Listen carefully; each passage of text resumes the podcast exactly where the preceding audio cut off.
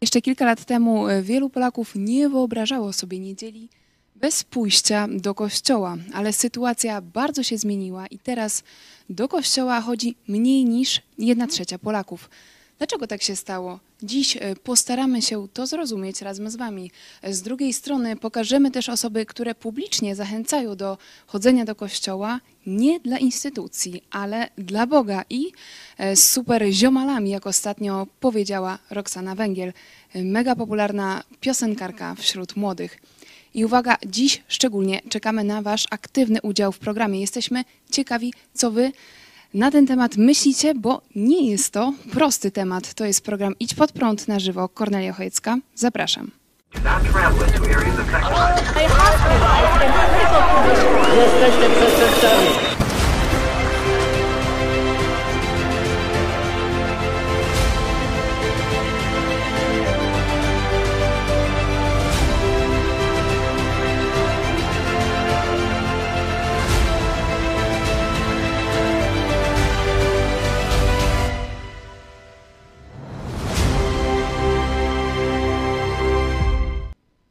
Witajcie, to jest e, telewizja Idź pod prąd. E, Dzisiaj będziemy rozmawiać o szybkich zmianach, które dzieją się w naszym e, kraju. Ktoś by pomyślał, no jest to program e, społeczno-polityczny. Będziemy rozmawiać dzisiaj głównie o e, Kościele katolickim, o naszym społeczeństwie, ale tutaj mam przed sobą e, aktualny e, numer magazynu Polityka. Kościół bez ducha i bardzo trudno w ogóle było kupić e, ten numer, także widać e, wielkie zainteresowane, e, zainteresowanie i że sprawy Kościoła katolickiego e, są dzisiaj, można powiedzieć, na topie i też po części są e, tematem politycznym. Ja e, już na początku naszego programu zachęcam Was dziś szczególnie do udziału. W jaki sposób możecie się włączyć w nasz program e, na relacjach, e, na profilach Idź Pod Prąd na Facebooku, na Instagramie. Możecie odpowiadać na pytanie, dlaczego Polacy masowo przestają chodzić do kościoła. Już mam pierwsze głosy. Możecie również pisać na czacie, na YouTubie, na Facebooku a także wziąć udział w sądzie, która jest również na Twitterze. Główny powód masowego odejścia Polaków z Kościoła katolickiego to upadek moralny i duchowy kleru, COVID-19, brak przykładu rodziców i inne. Generalnie jesteśmy otwarci e, na rozmowę. E, Nie chodzi nam tylko o to, żeby pokazywać e, powody, dlaczego Polacy przestają chodzić do kościoła, ale też w dzisiejszym e, programie e, chcemy starać się zrozumieć tych, którzy chodzą e, i też pokazać nowe formy religijności, duchowości, którą widzimy dzisiaj. Będziemy również pokazywać głosy młodych Polaków, a ze mną w studio pastor Paweł Chojecki z Kościoła Nowego Przymierza w Lublinie. Witam cię serdecznie.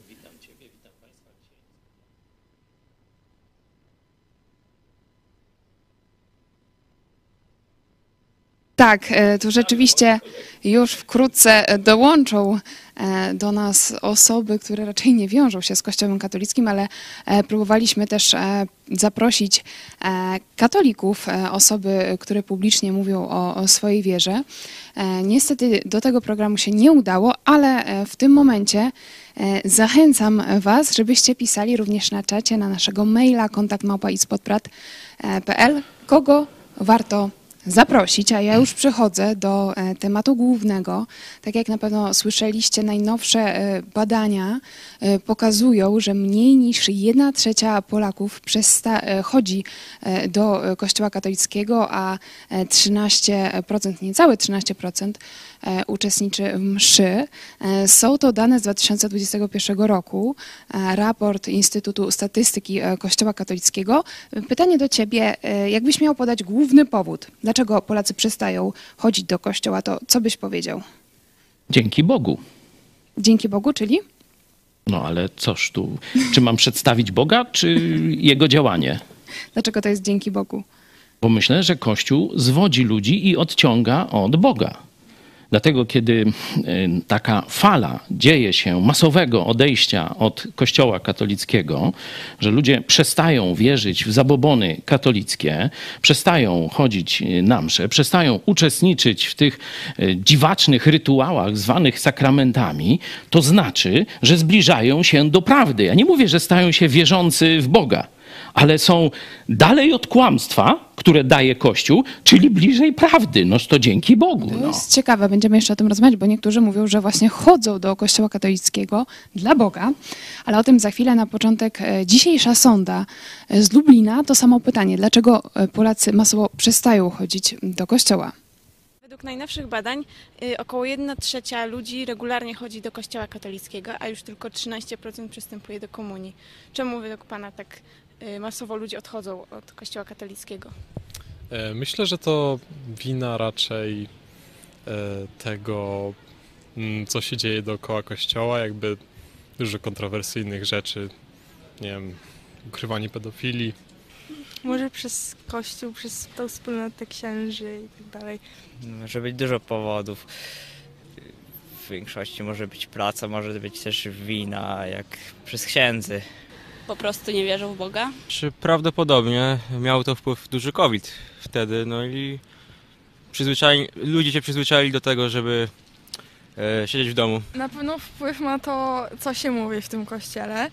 Wiara jest czymś, co ma się w sercu, a nie jakiś ksiądz, co gada pierdoły w kościele. Wydaje mi się, że jest to powód y, tego typu, tak jak ja mam sam taką sprawę, że po prostu jestem jakby wierzący w Boga, ale nie wierzę w samą instytucję Kościoła, więc wydaje mi się, że to jest taki problem, a patrząc po tym, co się ostatnio dzieje już na przestrzeni ostatnich lat, no to chyba jest zrozumiałe dla ludzi, że po prostu niektórzy nabierają świadomości i najzwyczajniej po- podejmują świadomą decyzję. Nie? To jest ciekawe ten ostatni głos o świadomości, że e, coraz e, więcej Polaków, można powiedzieć, z automatu nie chodzi do tego kościoła w niedzielę, coś co pamiętamy no jeszcze sprzed kilku lat, tylko e, zaczyna się zastanawiać i zaczyna być może szukać też tej rzeczywistości gdzie indziej.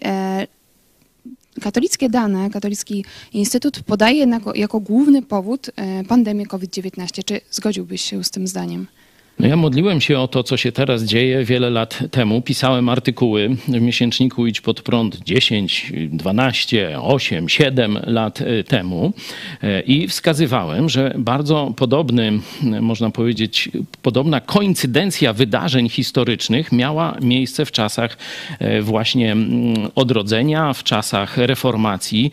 W tym momencie, kiedy ludzie zaczęli e, czytać, pisać, mówić, dużo inteligencja we własnych językach, pojawiły się przekłady Biblii w językach narodowych, ludzie zaczęli ją masowo poznawać i na to nałożyło się ogromne zepsucie Kościoła katolickiego i był ogromny ruch z Kościoła katolickiego. Ludzie szukali w różnych kierunkach, w nauce, w ateizmie, ale też szukali prawdy w Biblii, stąd zrodziła się protestancka reformację. Ja mówiłem już e, 10-15 lat temu, że widzę, że już tego typu sygnały są w Polsce.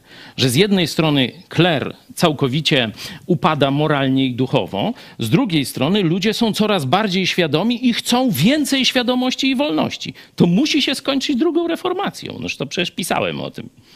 E, Dariusz Duma, etyk, e, pisze tak, że na młodych wpływ ma doświadczenie e, kościoła, który jest blisko nich, a to na ogół straszący, przemocowy i trochę zacofany proboszcz, który jeszcze ciągle targa za uszy, wywiera nieuzasadniony wpływ na radę pedagogiczną e, w szkole. Czy to też, to jest oczywiście jeden z głosów. Myślę, że e, dzisiaj też no, nie damy takiej e, jasnej odpowiedzi, dlaczego Polacy przestają chodzić do kościoła, bo widzimy tych powodów jest wiele. Są powody, tak jak piszą też eksperci, wewnętrzne, czyli jakiś kryzys wiary, przemyślenia, refleksje, ale i zewnętrzne, czyli te zarówno pandemia, jak i kolejne afery, skandale pedofilskie czy finansowe e, w kościele Myślę, katolickim. że pandemia co najwyżej przyspieszyła pewne procesy. Ona nie uruchomiła tych procesów. Te procesy były wcześniej i teraz je po prostu widzimy, można powiedzieć, skomasowane, skupione, skoncentrowane, ale one istniały już wcześniej. Kto się interesował tymi sprawami,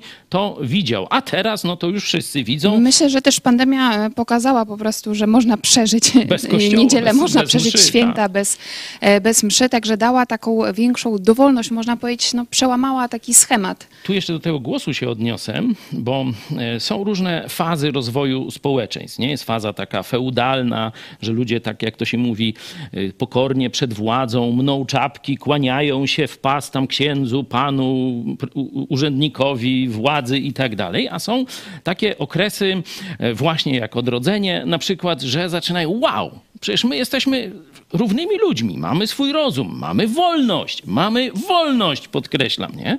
I myślę, że teraz głównie dzięki też internetowi, nie? że to jest ten czynnik technologiczny, który wyzwolił właśnie to e, pragnienie i zdolność do e, cieszenia się wolnością mówienia, cieszenia się wolnością oglądania tego, co się chce, słuchania ludzi, których normalnie w telewizji publicznej nigdy by nie pokazali, a my sobie sami ich w internecie wybieramy, słuchamy i tak dalej. Także to jest ten czas, a Kościół katolicki, hierarchia katolicka żyje w systemie feudalnym. Oni kazali, lud słuchał.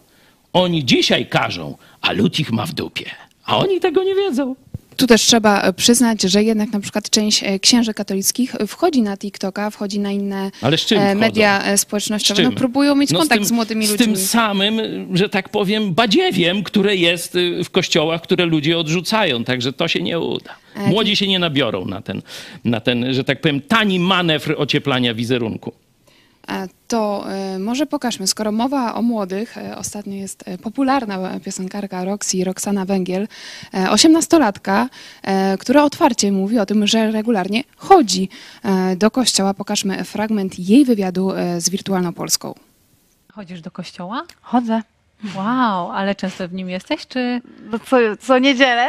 Wow, ale powiedz mi, nie, bo to jest, to jest interesujące z Co punktu niedzielę, widzenia no po takiej prostu jak młodej czuję, osoby. to idę. I to, wiem, no, znaczy... Jak czuję potrzebę, to idę do kościoła. Nie jest tak, że to jest jakiś przymus, że co niedzielę chodzę, tylko po prostu chcę tam chodzić. Wow, super, nie, mówię to A naprawdę... są naprawdę, wiesz, naprawdę można trafić na fajną mszę, fajne kazanie. No nie jest tak... No trzeba właśnie przełamać trochę ten stereotyp kościoła, bo każdy myśli, że o, jak ktoś chodzi do kościoła, to jest po prostu jakimś starym wapniakiem. No niekoniecznie. Chodzę do kościoła z, z moją ekipą, która jest naprawdę no bardzo, że tak powiem, em, współczesna. Aha. I, I totalnie to są, to są super ziomale, więc, więc no, trzeba jakby trochę uświadamiać ludzi, że, że ten kościół może być naprawdę czymś bardzo umacniającym. Ale czy sama instytucja tego miejsca e, Mhm. i ten, te, ta zła otoczka, powiedzmy, która No. się często w mediach przewija, czy, czy to cię jakoś tak nie przeraża, nie odsuwasz się Nie, od zupełnie tego? mnie to nie przeraża, bo ja tam nie chodzę do instytucji, nie chodzę tam dla e, księży, tylko dla Boga. Po Super. prostu, to jest wiara. Prawdziwa wiara się charakteryzuje. Aha. No, Kościół dla mnie to jest po prostu wspólnota ludzi łączących się w miłości do Boga. Ja tak to postrzegam. W ogóle nie wchodźmy w politykę, bo no, w Kościele jest Bóg. Jakby totalnie ucinam tematy polityczne od Kościoła. Wiadomo, jest jak jest. Ja, ja, ja w to nie wchodzę. Wypowiedź Roxany szeroko e, roz, no, rozniosła się po internecie, ale myślę, że to jest e, częsty taki e, sposób myślenia wśród młodych ludzi, e, którzy nie chcą być tymi ludźmi, którzy przestają chodzić do kościoła, którzy mają wywalone, tylko mimo wszystko chcą chodzić do kościoła, ale jakby na swoich zasadach, tak jak ona mówi, e, chodzi tam z super ekipą, z ziomalami, nie dla księży, E, ale dla Boga. I e, co byś powiedział e, takim ludziom, którzy rzeczywiście chodzą do kościoła katolickiego, często są też, jak widzimy, osoby w młodym wieku, e, bez względu na, e, na to, jakie widzimy kryzysy w kościele, jakie afery wychodzą, one tam po prostu chodzą dla Boga, dla swojej wiary. No, Roxana, super, że masz e, swoje poglądy, że idziesz pod prąd, że dość odważnie, publicznie o nich mówisz, no ale mam jedno kluczowe pytanie. Mówisz, że chodzisz tam dla Boga. A skąd wiesz, że Bóg tego chce? Moim zdaniem to jest uleganie właśnie pewnemu kłamstwu, które biskupi ludziom wmówili przez setki lat, że Bóg mieszka w kościele, że do niego potrzebny jest pośrednik ksiądz, że Bóg działa przez sakramenty. To są wszystko katolickie łgarstwa, przez setki lat powtarzane jak mantry ludziom. Roxana, weź do ręki Biblię i zobacz, czego Bóg naprawdę chce od ciebie. Sama zobacz. E, Skoro mówisz o Biblii, e, kilka głosów e, z Instagrama, kiedy zadałam to pytanie, dlaczego Polacy masowo przestają chodzić do kościoła, Kinga, zaczęłam czytać Biblię, poznałam Słowo Boże i Jezusa Chrystusa. Przestałam chodzić do e, kościoła katolickiego. E, I kolejny głos od e, 15-latki. E, Moi rodzice zaczęli słuchać waszej telewizji, uświadomiło nam to wiele rzeczy, przez które nie chodzimy do Kościoła katolickiego. Dla nas liczy się e, prawdziwa relacja z Bogiem. I jeszcze Leszek, Kościół katolicki nie ma nic do zaoferowa- zaoferowania dla młodych, a starsi mają pewnie dość tej obłudy i deprawacji. Cały czas e, czekamy też na mm, Wasze głosy. Może jeszcze jeśli jesteśmy w temacie e, tych osób, które teraz decydują się, choć trzeba to zaznaczyć, że e, obecnie nie są to popularne głosy, to jeszcze dwójka znanych restauratorów o swoim przywiązaniu do katolicyzmu. Wracamy za chwilę.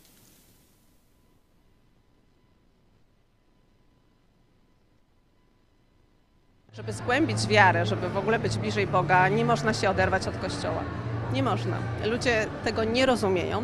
E, Patrzą na wiarę przez pryzmat tego, co robią księża, jacy są. To są również ludzie, popełniają błędy i będą z tego rozliczani. Natomiast e, Kościół e, poprzez swoje sakramenty, poprzez to, tak naprawdę namaszczenie, które ma ksiądz, no, bez księży nie ma nas, tak naprawdę nie ma nas. Będziemy oderwani od wszystkich sakramentów, od spowiedzi, która jest kluczowa, od chrztów, od ślubów. Także no, trzeba się za tym zastanowić głębiej, e, zanim się zacznie po prostu tak zupełnie krytykować ten nasz Kościół.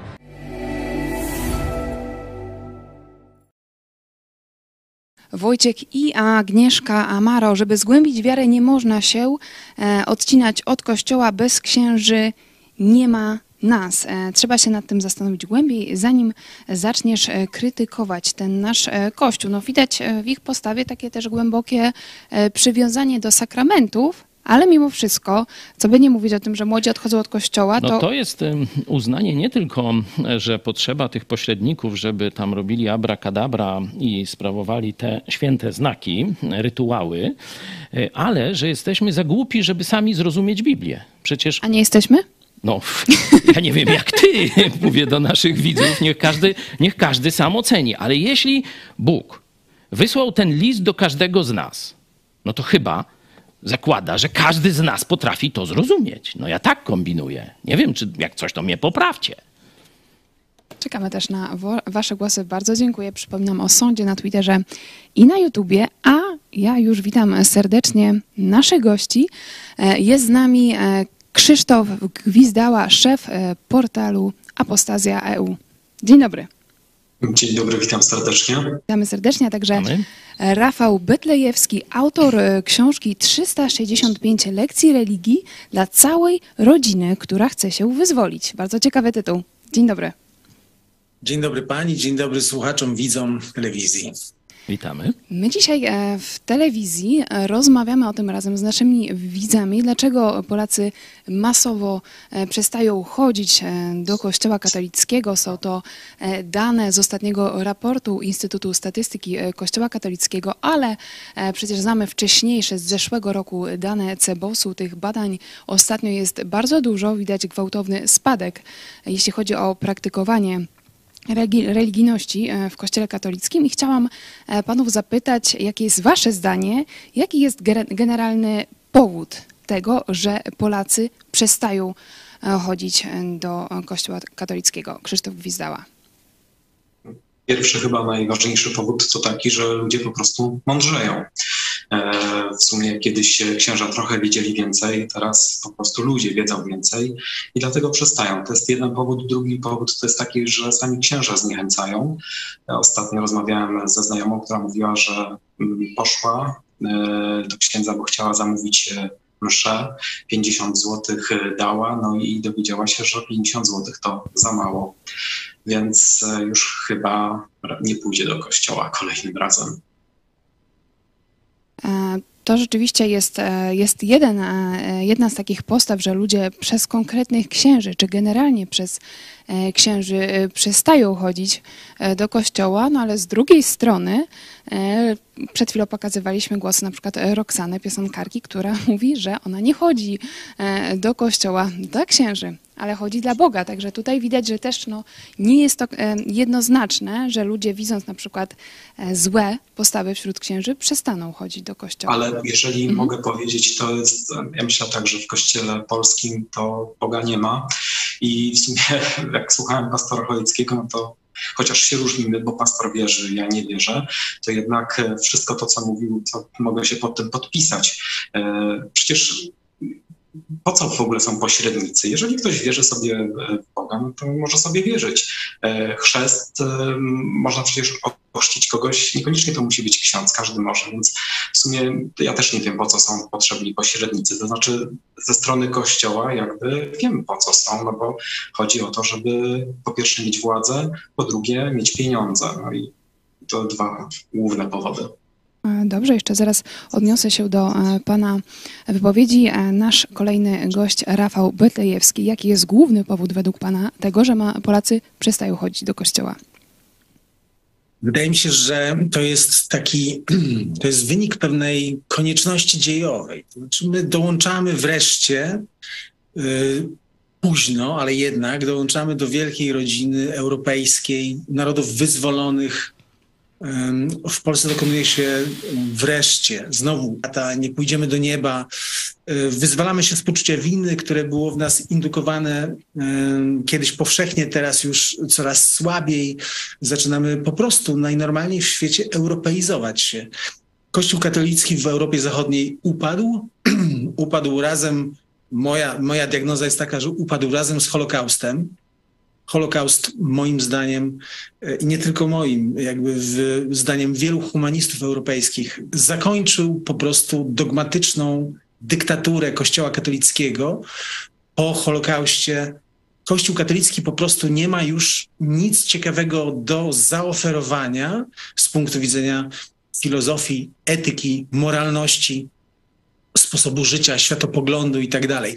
Cała ta rozmowa, którą Kościół jeszcze ciągle prowadzi, ona zaczyna dotyczyć już e, takich e, sfer jak Azja, Afryka, Ameryka Południowa być może, czyli ciągle jeszcze społeczeństw, które tkwią w jakimś takim, powiedziałbym, oświeceniowym niedorozwoju. Nie chcę nikogo obrażać oczywiście. Polska przez długi czas w takim oświeceniowym niedorozwoju tkwiła, ale od pewnego czasu, szczególnie ze względu na to, że dostrzegamy, że w Kościele jest wiele zła, em, rozumiemy, że jest to instytucja całkowicie niedemokratyczna, żerująca na budżecie mm, publicznym, no i po prostu nie rozliczająca się z wielu takich bulwersujących zupełnie problemów, dostrzegamy to, że jesteśmy w stanie so- sobie doskonale dać radę bez niej.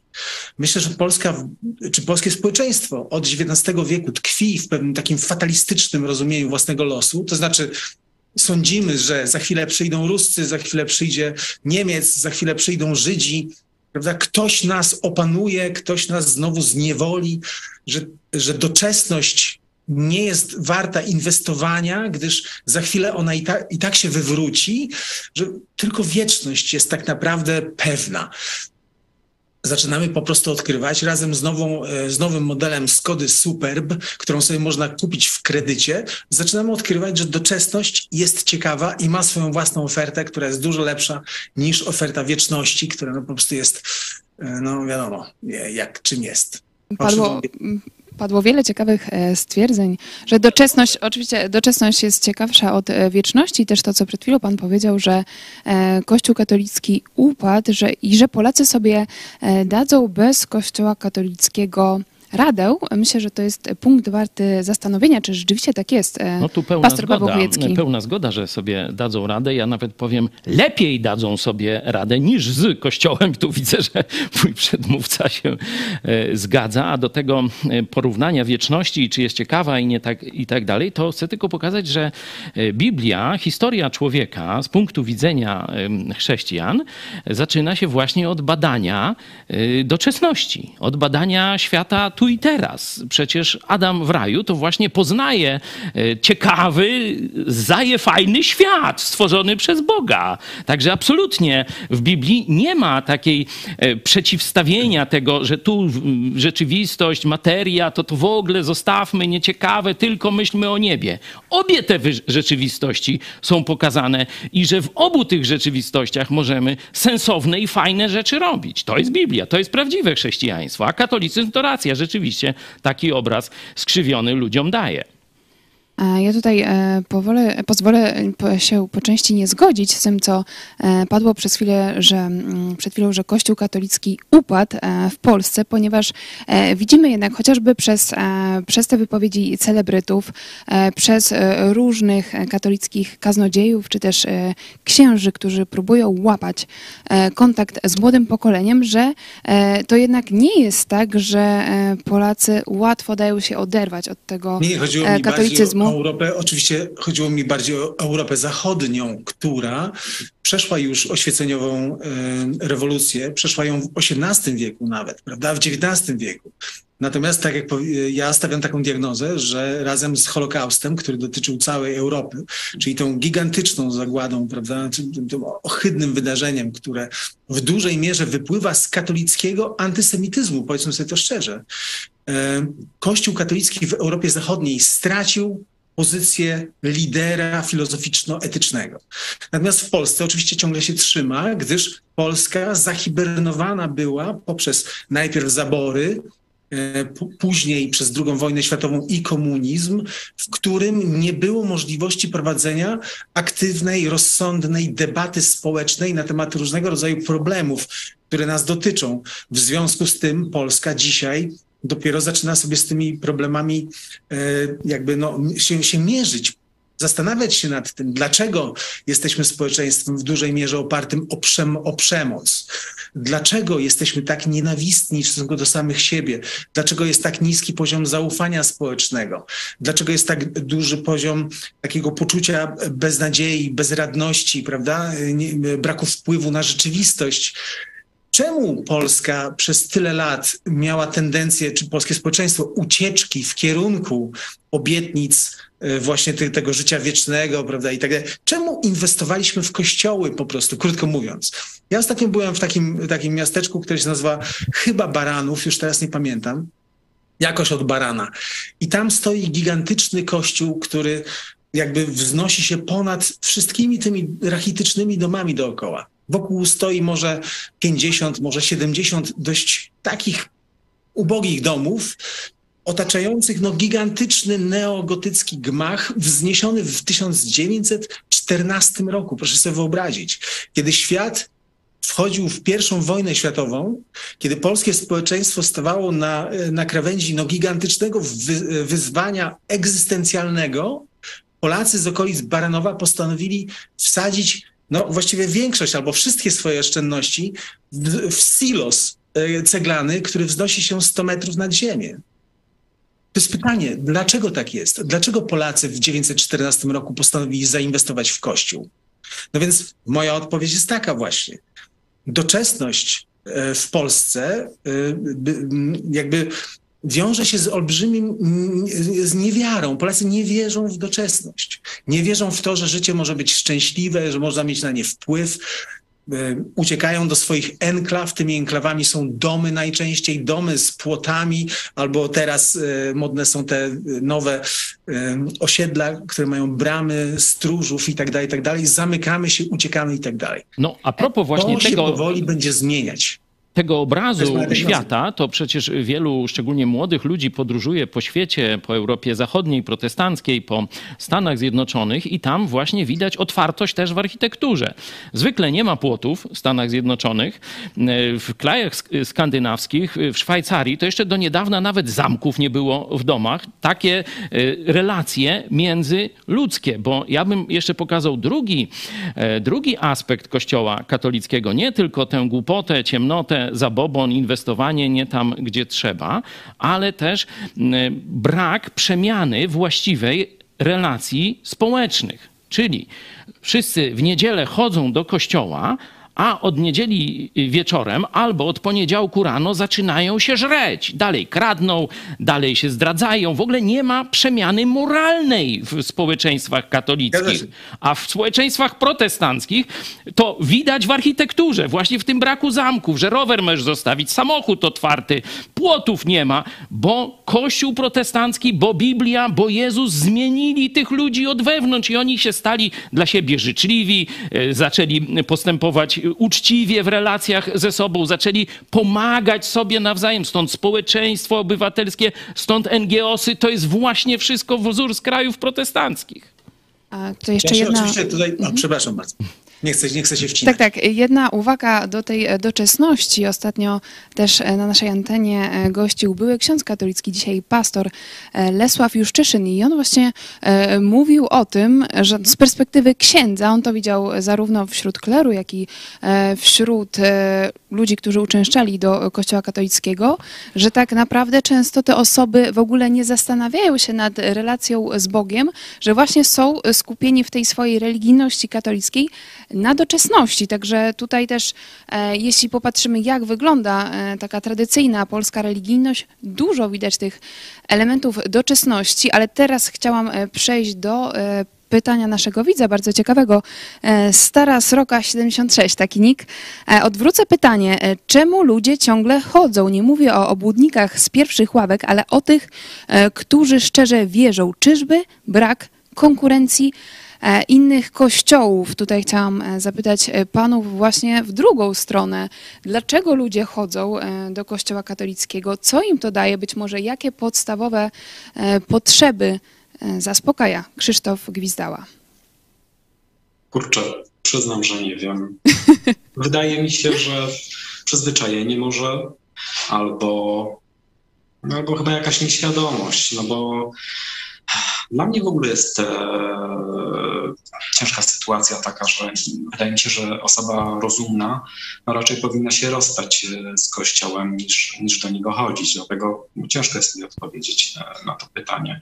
E, Tym bardziej, że jeżeli zaczyna się czytać em, świetną publikację Rafała właśnie Betlejewskiego 365 e, lekcji religii, no to naprawdę chodzenie do kościoła i, i generalnie wiara w te wszystkie e, rzeczy z Biblii, no wydaje się taka nieprawdopodobna. E, Z perspektywy takiej e, psychologicznej, e, społecznej, to mm, chociażby widać było to ostatnio, kiedy było święto nie sześciu, ale trzech króli, że rzeczywiście ludzie, sama to widziałam na własne oczy, szli na przykład do kościoła katolickiego na jasełka, akurat to były świeckie jasełka, ja weszłam do klasztoru i on był pełen, on był pełen młodych ludzi, także to też pokazuje jednak na być może właśnie takie zaspokojenie potrzeby przynależności, potrzeby też takiej społecznej, żeby w jakiś sposób ten dzień na przykład wolny właśnie spędzić inaczej. No ale nie ma innych atrakcji na Trzech Króli, tylko atrakcje oferowane przez Kościół katolicki. Ale zwrócę uwagę na jedną rzecz, bo e, powiedziała Pani, że dużo młodych ludzi e, wciąż chodzi. Proszę zauważyć, że e, dziennikarka, która rozmawiała z Roxaną Węgiel, w ogóle była zaskoczona. Wow, to Ty chodzisz, wow. Tak, co, Co co, jakby była dinozaurem. No dokładnie, co oznacza, że po prostu myślę, że wśród młodych ludzi raczej większość nie chodzi niż chodzi. I, Tak, i to dlatego myślę, że to jest, to jest jasne.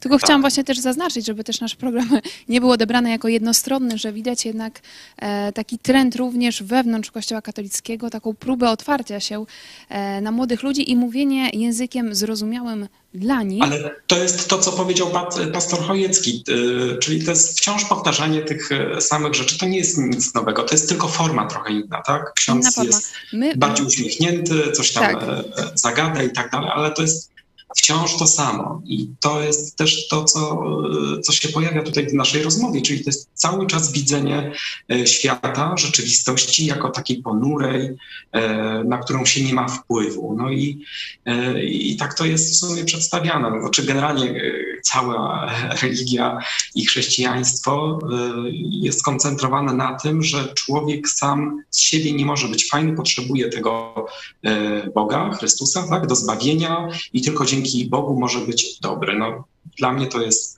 e, dziwne i niezrozumiałe.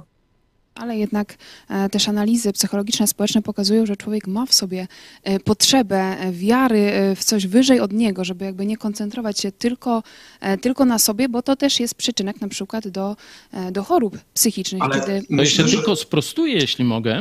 Biblijne chrześcijaństwo rzeczywiście mówi, że do zbawienia potrzebujemy Jezusa Chrystusa, bo On zapłacił karę za nasze grzechy. Sami nie możemy jej zapłacić, ale do robienia dobra mamy z powodu stworzenia na obraz i podobieństwo Boga duże możliwości. I w Biblii jest y, cała paleta przykładów różnych ludzi, którzy mm, nie uwierzyli jeszcze w Chrystusa, ale robili dobre rzeczy. Także tu taka, takie sprostowanie, że możemy robić dobro, mm, ale to i tak nie przekreśla tego zła, które zrobiliśmy. Nie można Bogu, tak jak w sklepie, aha, zrobiłem coś złego, no to teraz trzy dobre uczynki. No to, to, to tak nas powiedzi ksiądz uczy. No. E, Wracamy do pytania naszego widza, żeby się nie pogubić w tej naszej e, rozmowie. Tak jeszcze podkreślę to, co mówiłam na początku, że dzisiaj e, chcemy zrozumieć jakby obydwie strony. Zarówno tych, którzy przestali chodzić do kościoła, jak i tych, którzy chodzą. Będziemy też jeszcze mówić o tym, jaka będzie alternatywa e, dla Kościoła katolickiego. Być może już jest. E, pytanie naszego widza, dlaczego e, ludzie ciągle chodzą. Chodzi o tych, którzy szczerze wierzą, nie o obłudników, e, obłudnikach z pierwszych ławek, jak pisze nasz widz. Pan Rafał, jeszcze proszę o krótką odpowiedź na to pytanie. Dlaczego według Pana jest wciąż liczna grupa osób w Polsce, którzy szczerze wierzą i chodzą do Kościoła katolickiego? Co ich trzyma, można powiedzieć, przy Kościele? Y, Oczywiście odpowiedź na to pytanie nie jest prosta. Ja odsyłam do mojej książki, gdzie próbuję y, dać na to pytanie odpowiedź pełną. Ale myślę, że można by y, to, tą odpowiedź złożyć z takich dwóch, z dwóch czynników. Po pierwsze, jest to utrzymanie status quo i utrzymanie tradycji. Tutaj oczywiście przoduje polska prowincja, tak zwana prowincja. E, prowincja może być w dużych miastach, to nie chodzi mi o, nie chodzi mi o topo, topologiczne jakby miejsce. Em, Czyli przywiązanie do czegoś, co było, prawda? Przywiązanie do tego, co znamy. Rozumiemy ten świat tradycji, rytuałów, e, domu rodzinnego, z którym religia katolicka próbuje się też teraz utożsamić, prawda? Bo e, katolicyzm próbuje się utożsamić z różnymi wartościami, które są dla nas drogie. Takimi wartościami jest polska ojczyzna, prawda? To w Radiu Maryja doskonale. Oni wiążą katolicyzm z ojczyzną i po drugie, co jest jeszcze bliższe, czyli z rodziną. Katolicyzm to jest rodzina. Z jakiegoś powodu mamy wierzyć, że jeżeli katolicyzm y, upadnie, czy jeżeli wyzbędziemy się religijności, to upadnie także rodzina. To jest moim zdaniem twierdzenie nieprawdziwe ale bardzo dobrze się sprzedające. Ludzie boją się utracić rodzinę. Rodzina jest jedną z najważniejszych wartości, w związku z tym stoją na straży katolicyzmu. Natomiast drugą rzeczą jest to, że formowanie katolickie, którego domaga się Kościół katolicki cały czas, jedną z element, jed- jednym z elementów tego formowania jest spowiedź na przykład, Pierwsza komunia, chrzest, przystępowanie do różnego rodzaju sakramentów, to jest jednak głęboka ideologizacja, indoktrynacja dzieci, przyzwyczajanie ich do widzenia własnej psychologii w kontekście grzechu, poczucia winy i wprowadzania ich, teraz powiem językiem psychologii, w głęboką nerwicę, tak, w stan nerwicowy. Te stany nerwicowe są e, zaczepione o dwa bardzo ważne impulsy w psychice człowieka, czyli o impuls agresji, który wiąże się z przetrwaniem własnej osoby, z walką o życie, oraz drugim impulsem, czyli impulsem seksualnym, czyli impulsem prokreacyjnym, tym, że chcemy się kochać po prostu. Chcemy mieć narzeczoną, chcemy mieć narzeczonego, e, chcemy bliskości, intymności, poszukujemy tego.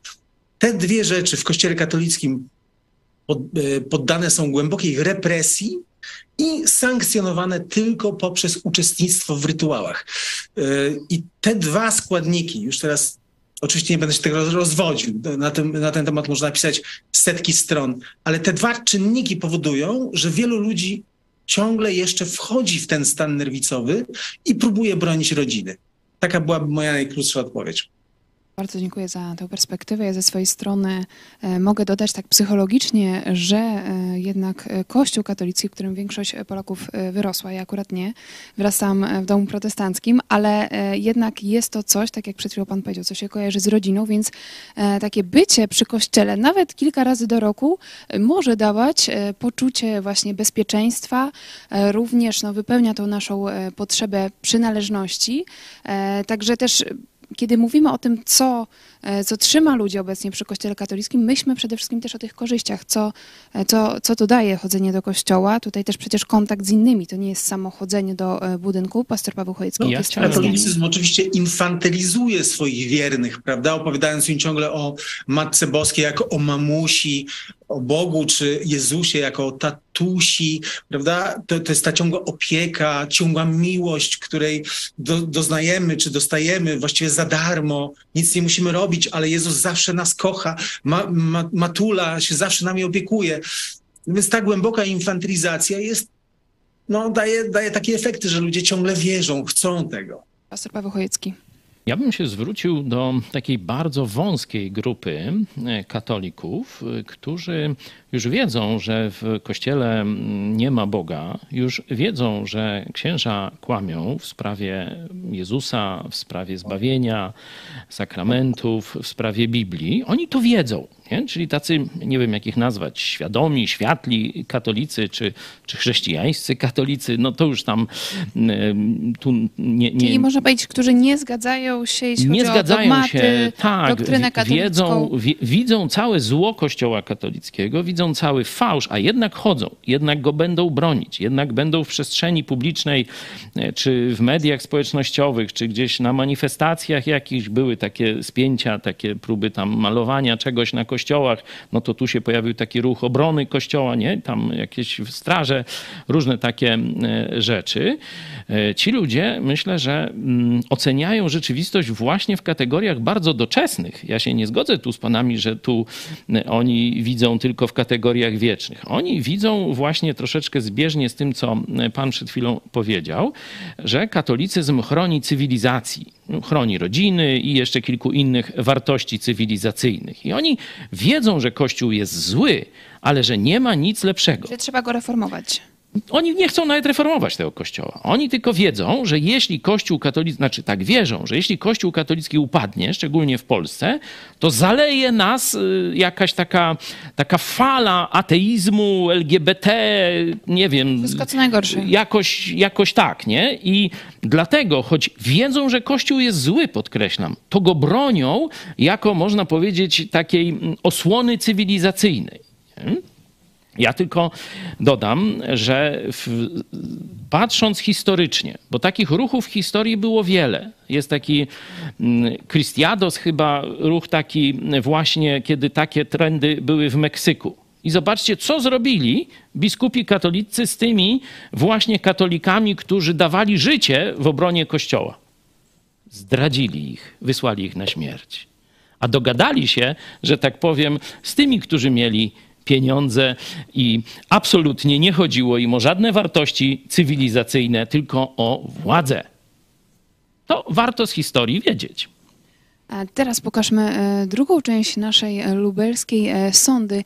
Jaką przyszłość e, widzisz dla Kościoła katolickiego w tym roku? Wracamy za chwilę. A jaką widzicie przyszłość dla Kościoła katolickiego w najbliższych latach? Nie widzę przyszłości. No, wydaje mi się, że będzie coraz mniej osób chodzących do kościoła. Może być mierna, może coraz mniej być osób.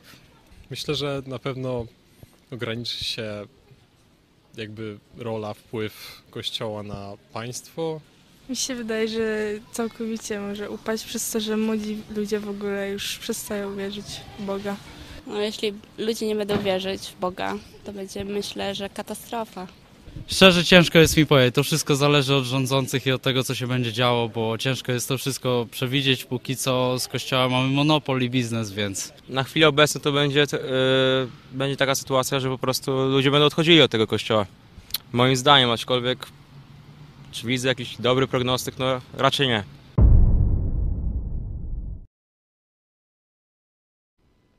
Widać, że jednak e, młodzi ludzie są, e, można powiedzieć, dosyć e, pesymistyczni. Mówią, że kościoły, Kościół katolicki będzie pustoszeć, że młodzi ludzie tam nie będą chodzić, ale z tego, co widzimy też, no nie widać takiej jasnej deklaracji, jasnej wizji, co będzie dalej, co z tego wyniknie. Dlatego też teraz chciałam ten temat e, poruszyć. E, To ciekawe, wcześniej e, pan Krzysztof powiedział, że e, Polacy przestali chodzić do kościoła, bo zmądrzeli. E, No to jest ciek- ciekawa teza, e, dlatego też chciałam pociągnąć ją e, w tym kontekście właśnie, e, czy, e, czy rzeczywiście e, czeka nas teraz jakaś era mądrości, e, skoro e, Polacy przestają chodzić e, do kościoła katolickiego. Powiem tak, co wyniknie z tego? Moim zdaniem same dobre rzeczy. Aczkolwiek mój kolega psycholog mówi, że e, ludzie mają jakąś taką potrzebę, gdy e, znika e, coś, żeby w to miejsce coś się pojawiło. Więc jeżeli faktycznie ten kościół nie wiem, wyruguje się albo po prostu e, zostanie wyrugowany z życia e, ludzi, no to będzie miejsce na coś nowego. No i kwestia właśnie, co tam wejdzie. E, czy wejdzie pełna laickość, czy też wejdą inne kościoły, jak w sumie jest na świecie, tak? Nie jest tak, że, że, że tylko Kościół katolicki ma możliwość bycia. Myślę, że w przyszłości tak będzie, że nie tylko Kościół katolicki będzie tym jedynym, najważniejszym kościołem w Polsce. Mogą się pojawić inne, ale ja mam oczywiście nadzieję, że to będzie bardzo świeckie państwo, bo wtedy ono będzie dobre i dla wszystkich. I dla osób, które nie wierzą, ale też dla osób, które wierzą po prostu. Tutaj odnośnie e, świeckości, badania na przykład z, wykonane dla Rzeczpospolitej z 2021 roku pokazują, że młodzi ludzie pomimo krytycznego stosunku do Kościoła katolickiego jednak dalej wierzą w Boga i chcą postępować zgodnie z, de, e, z dekalogiem i innymi e, wartościami. To ponad 65% badanych. To tylko odnośnie tego, co pan e, przed chwilą powiedział, że Tak, ale potem ci młodzi ludzie idą na studia, dowiadują się różnych nowych rzeczy, zaczynają jeździć po świecie, zaczynają czytać fajne rzeczy i myślę, że powoli przestają wierzyć.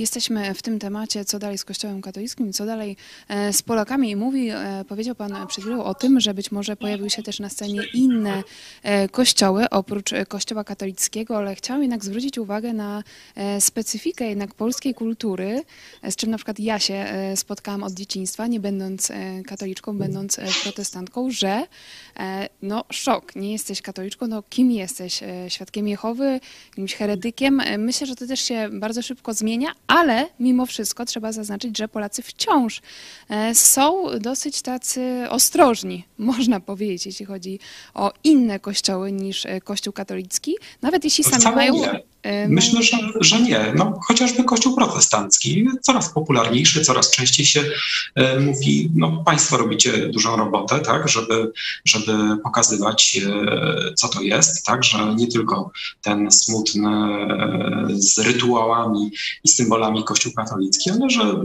osoba, która wierzy, e, może znaleźć e, takie miejsce, które jest trochę ciekawsze, fajniejsze, milsze, Rzeczywiście bardziej też e, duże pole e, dla innych kościołów, jeśli chodzi o informowanie Polaków w ogóle, e, co to jest na przykład protestantyzm, bo często ludzie to mylą na przykład z prawosławiem. Można zobaczyć sobie ostatnią sondę Matura to bzdura, kiedy no, ludzie wymyślają różne rzeczy, kim jest protestant, ale wróćmy do tematu e, rozmowy. Jakie są jeszcze wasze zdania? E, Jaka jest, e, jaka Są- będzie przyszłość Kościoła? Jeśli Kościół zejdzie ze sceny, e, tak jak to miało miejsce na przykład w katolickiej Irlandii, e, masowo zejdzie ze sceny, jesteśmy myślę, że już na jakiejś takiej bardzo bliskiej drodze do tego. Tu profesor Kobyliński mówił, że to się będzie tak bardzo spokojnie w Polsce działo, tak ewolucyjnie, tak nie, nie gwałtownie. Ja troszeczkę myślę, że tu Bóg przyspiesza ten e, proces i że jednak będziemy mieć z jakimś skokowym, co zresztą już te badania pokazują, że ta krzywa się e, właśnie w 20, Ciekawe, 21 roku tak w dół nachyliła ostro. do tych, skok. e, do tych trendów społecznych dołożyła się jednak pandemia, czyli Tak, tak, tak, przyspieszenie. To jest, to jest oczywiste, że się nałożyła, tego nie neguję, ale co będzie po tym. Ja jestem spokojny. Tu jest taki test, taki challenge. Jeśli Boga nie ma, no to jak już się wyzwolimy z tych pęd y, zabobonu katolickiego, to nic nie powinno tu powstać. Nie? Ale jeśli Bóg jest, to powstaną inne wspólnoty, gdzie ten Bóg będzie uwielbiany, gdzie będą się ludzie zachęcać do wiary w Niego, gdzie będą łączyć swoje wysiłki, żeby Mu jakoś lepiej służyć i tak dalej, i tak dalej. No i zobaczymy. Tu y, dzisiaj nie rozstrzygniemy y, tego, ale y, jeśli się ten mój scenariusz sprawdzi, no to jest dowód na istnienie Boga. I tyle. Nie, nie, nie, to nie jest dowód na istnienie Boga, to jest tylko dowód na to, że e, duża część ludzi e, została wychowana w wierze i będzie szukać czegoś innego. Bardzo mało ludzi myślę, że jest e, taka, że e, faktycznie bierze pełną odpowiedzialność za swoje życie, za to, co ich spotyka i, i myślę, że to będzie dowód raczej na to, a nie na to, że istnieje coś. No, zgadzam się, że może tak być w przestrzeni, no powiedzmy, jednego, dwóch pokoleń, nie? Kiedy jeszcze te aspekty tresury, wychowania, tradycji, przyzwyczajenia, tak jak pan powiedział, mają ogromny wpływ na nasze zachowania. I nawet przestajemy chodzić no, do tego kościoła, ale szukamy jakiegoś podobnego. Ale zgodzi się pan, że z czasem to powinno całkowicie zamrzeć. Tak, no ja mam dobry przykład. E, Córka mojej przyjaciółki jest wychowywana w zupełnie takiej e, nie, niereligijnym otoczeniu i ona w ogóle nie ma takiej potrzeby, żeby wierzyć w coś, że coś istnieje. Córka mojego brata jest podobnie wychowywana, e, akurat nie w Polsce, ale w Hiszpanii i też nie ma w ogóle takich pomysłów na to, że o kurczę, to chyba coś jest takiego wyższego, większego. Nie ma. Tego nie ma. Po prostu Poczekajmy, dzieci, które nie poczekajmy. są tak- Przepraszam, y, rozumiem, że to są dość młode osoby. Poczekajmy, jak będą. 14-latki. No właśnie, dlatego mówię, że to jest No. jeszcze za wcześnie, żeby ocenić, jaki będzie owoc ich y, życia. E, Też przykłady indywidualne nie dadzą nam tu odpowiedzi. Ja mówiłem o kryterium społecznym, o kryterium powiedzmy narodu czy państwa, że czy tam będzie pustynia duchowa, że nie będzie żadnej wiary w Boga, czy też pojawią się inne formy wiary w Boga. E, Tu oczywiście jest dyskusja no, ciągle między chrześcijanami, ateistami, czy e, ta potrzeba Boga jest taką immanentną, wewnętrzną potrzebą człowieka wynikającą ze stworzenia, jak mówią chrześcijanie. I dlatego ludzie, nawet komuniści mówią, Lenin wiecznie żywy. Nie? No, że wierzą w życie wieczne normalnie, nie?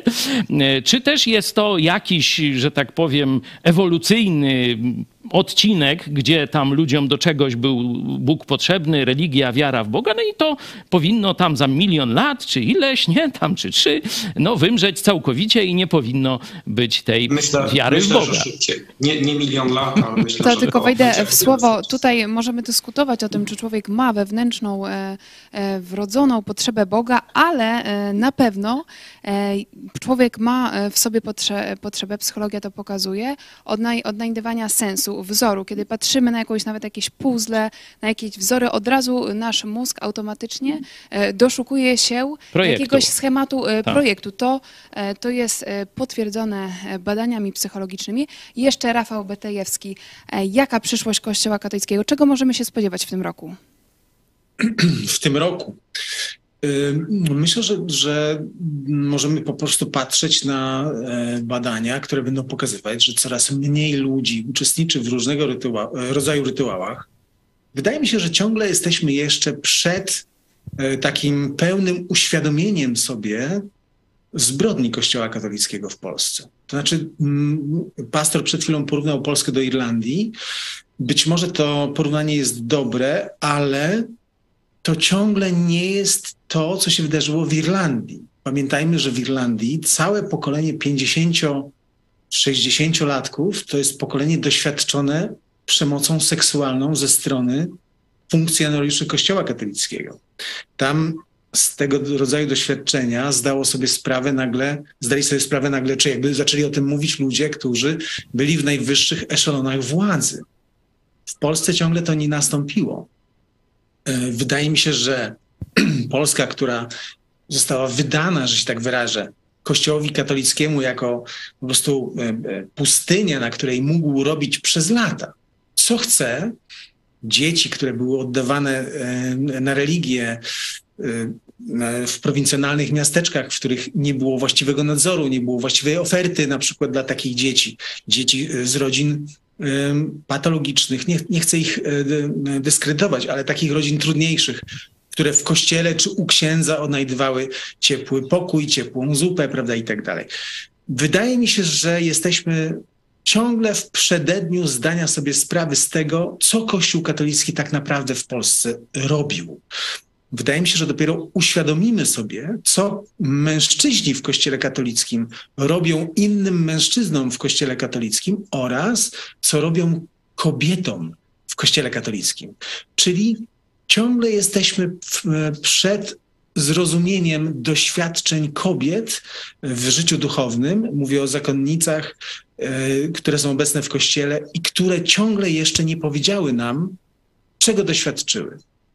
I wydaje mi się w tym sensie, że Kościół nie doznał jeszcze katastrofy w Polsce. W Polsce Kościół się jeszcze trzyma. Wydaje mi się, że wielu mężczyzn w wieku po 50, po, po 50 roku życia, którzy dzisiaj są biskupami, sprawują władzę w kościele, im się ciągle wydaje, przez to, że mieszkają w pałacach, nic im nie brakuje, że jak to powiedział mi jeden z rozmówców, którymi rozmawiałem, y, zbierając materiały do książki, powiedział mi, że ksiądz Stanisław Dziwisz przenosił pieniądze w workach plastikowych, takich dużych workach na śmieci. E, My ciągle jeszcze tego nie rozumiemy. I jak zrozumiemy to, to myślę, że przed Kościołem katolickim nie ma już żadnej przyszłości w Polsce. Kościół utrzymuje się inercją, polityczną inercją, taką w tym sensie, że stał się, jakby ideologia katolicka stała się elementem ideologii państwowej. Państwo inwestuje w Kościół, próbując podtrzymać ten taki kręgosłup, powiedziałbym, ideologiczny, na którym bazuje obecna władza. To się może skończyć i znajdziemy się w zupełnie nowej rzeczywistości.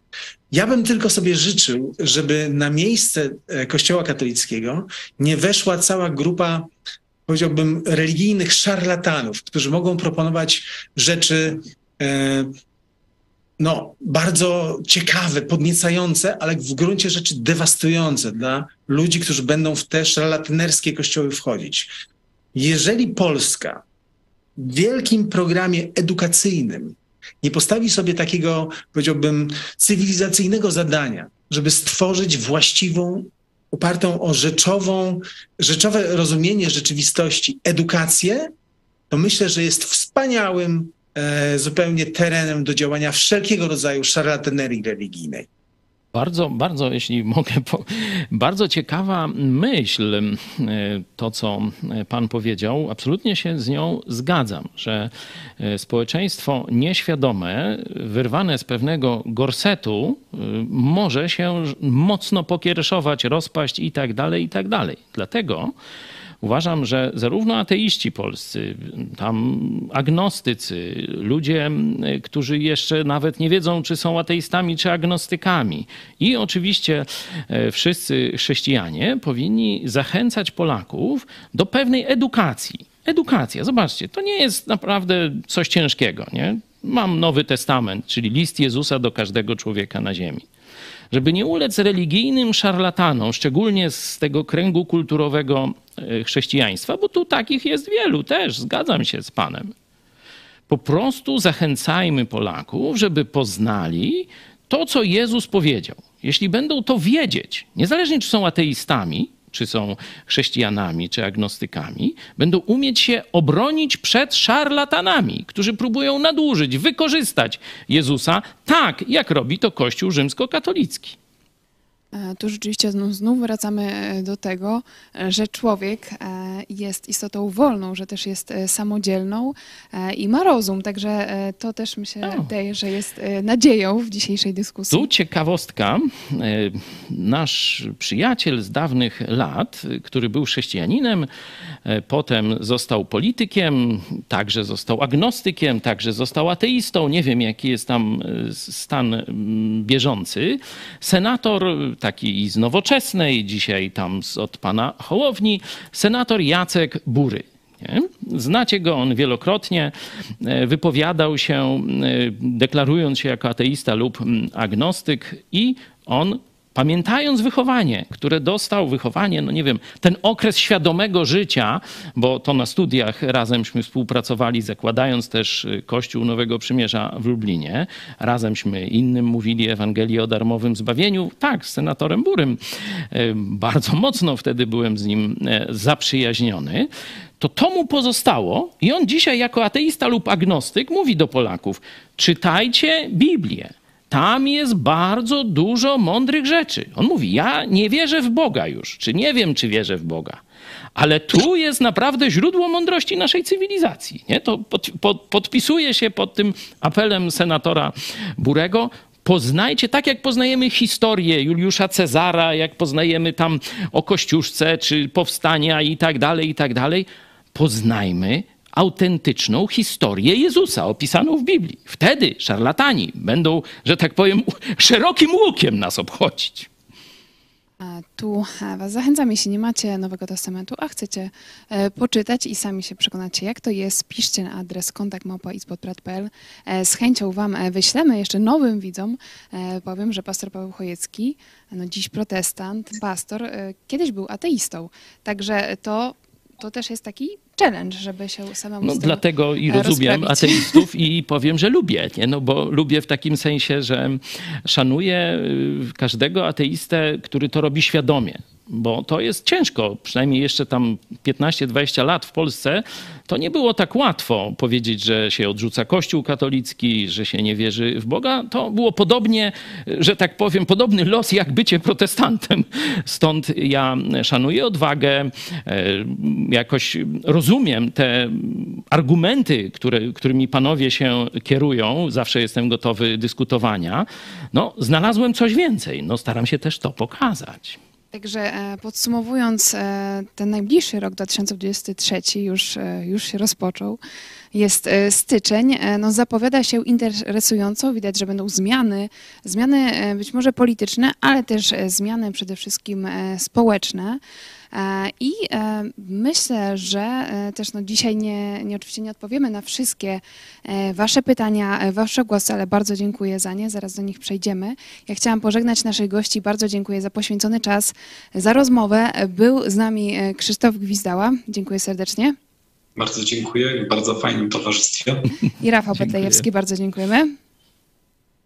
Dziękuję, bardzo mi miło. Mam nadzieję, że spotkamy się raz jeszcze. Do zobaczenia. Zapraszamy następnym i dziękuję za dziś. Razem Widź pod prąd e, lubimy wręcz rozmawiać z osobami, z którymi niekoniecznie się zgadzamy i mam nadzieję, że następnym razem też e, dołączy ktoś do nas e, z Kościoła katolickiego. ludzie mają tę cechę, że no gdzieś tam się zgadzają. Także tu widać, że mamy bardzo duże obszary wspólne, no i mamy też obszary różne. A smutno, że nikt z gości, bo przecież próbowaliśmy, tu żeby dla Państwa było jasne, próbowaliśmy wielu no, takich zaangażowanych społecznie, czy politycznie, czy religijnie katolików zaprosić. No, żaden nie przyjął zaproszenia. No już to pogadaliśmy z ateistami. Dziękuję bardzo. Mówimy, e, mówimy o e, przyszłości też e, Kościoła katolickiego. I tutaj taka ciekawostka, to nie jest beka, to się dzieje, można powiedzieć, w realu, ale w wirtualu na platformie Roblox. Można sobie zagrać. Odprawić mszę. Tak, to zobaczmy e, fragment, jak to wygląda. Wracamy za chwilę.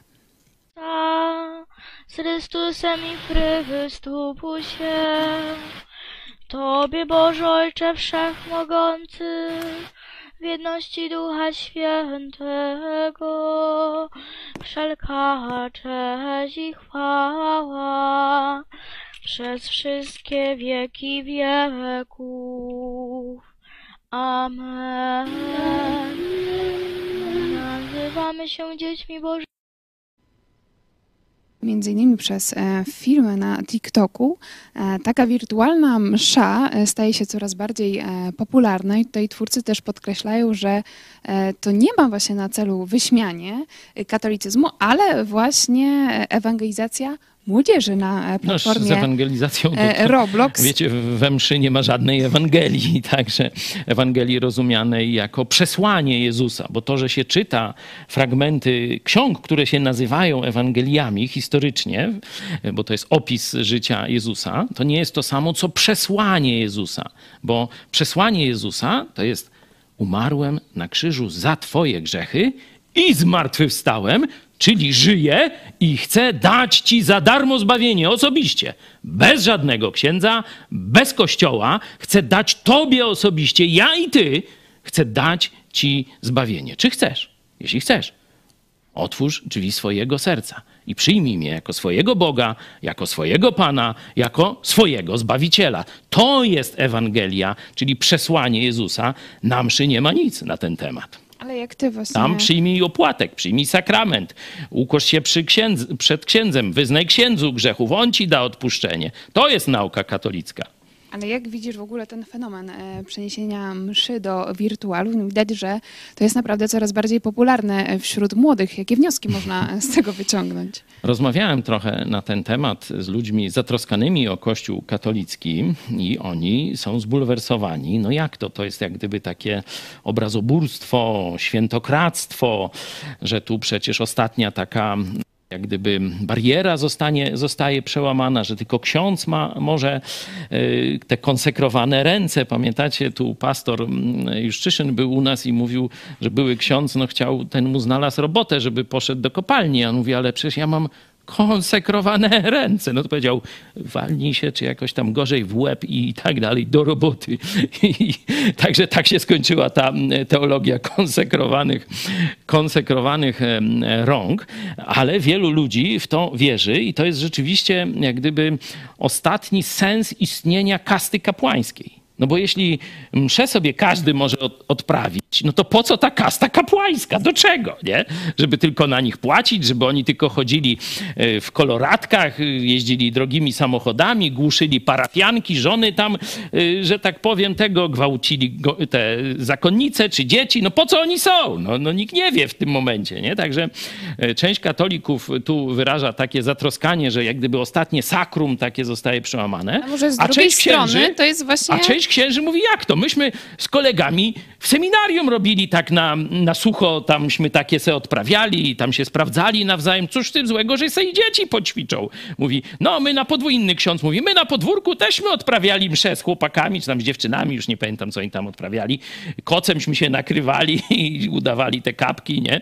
E, Te, te szaty i tak dalej. No to oni se poodprawiają, a potem pójdą do seminariów. Tak se część księży myśli. No tak, w lubelskim podobno jest sześciu. A to jest jedno z lepszych. Ale może z drugiej strony to jest e, taki, no teraz e, może jedyna droga, żeby dotrzeć do młodych właśnie przez grę, e, żeby w ogóle poruszyć w nich jakieś takie, no powiedzmy, uczucia religijne, sferę sferę, duchową, duchową. tak?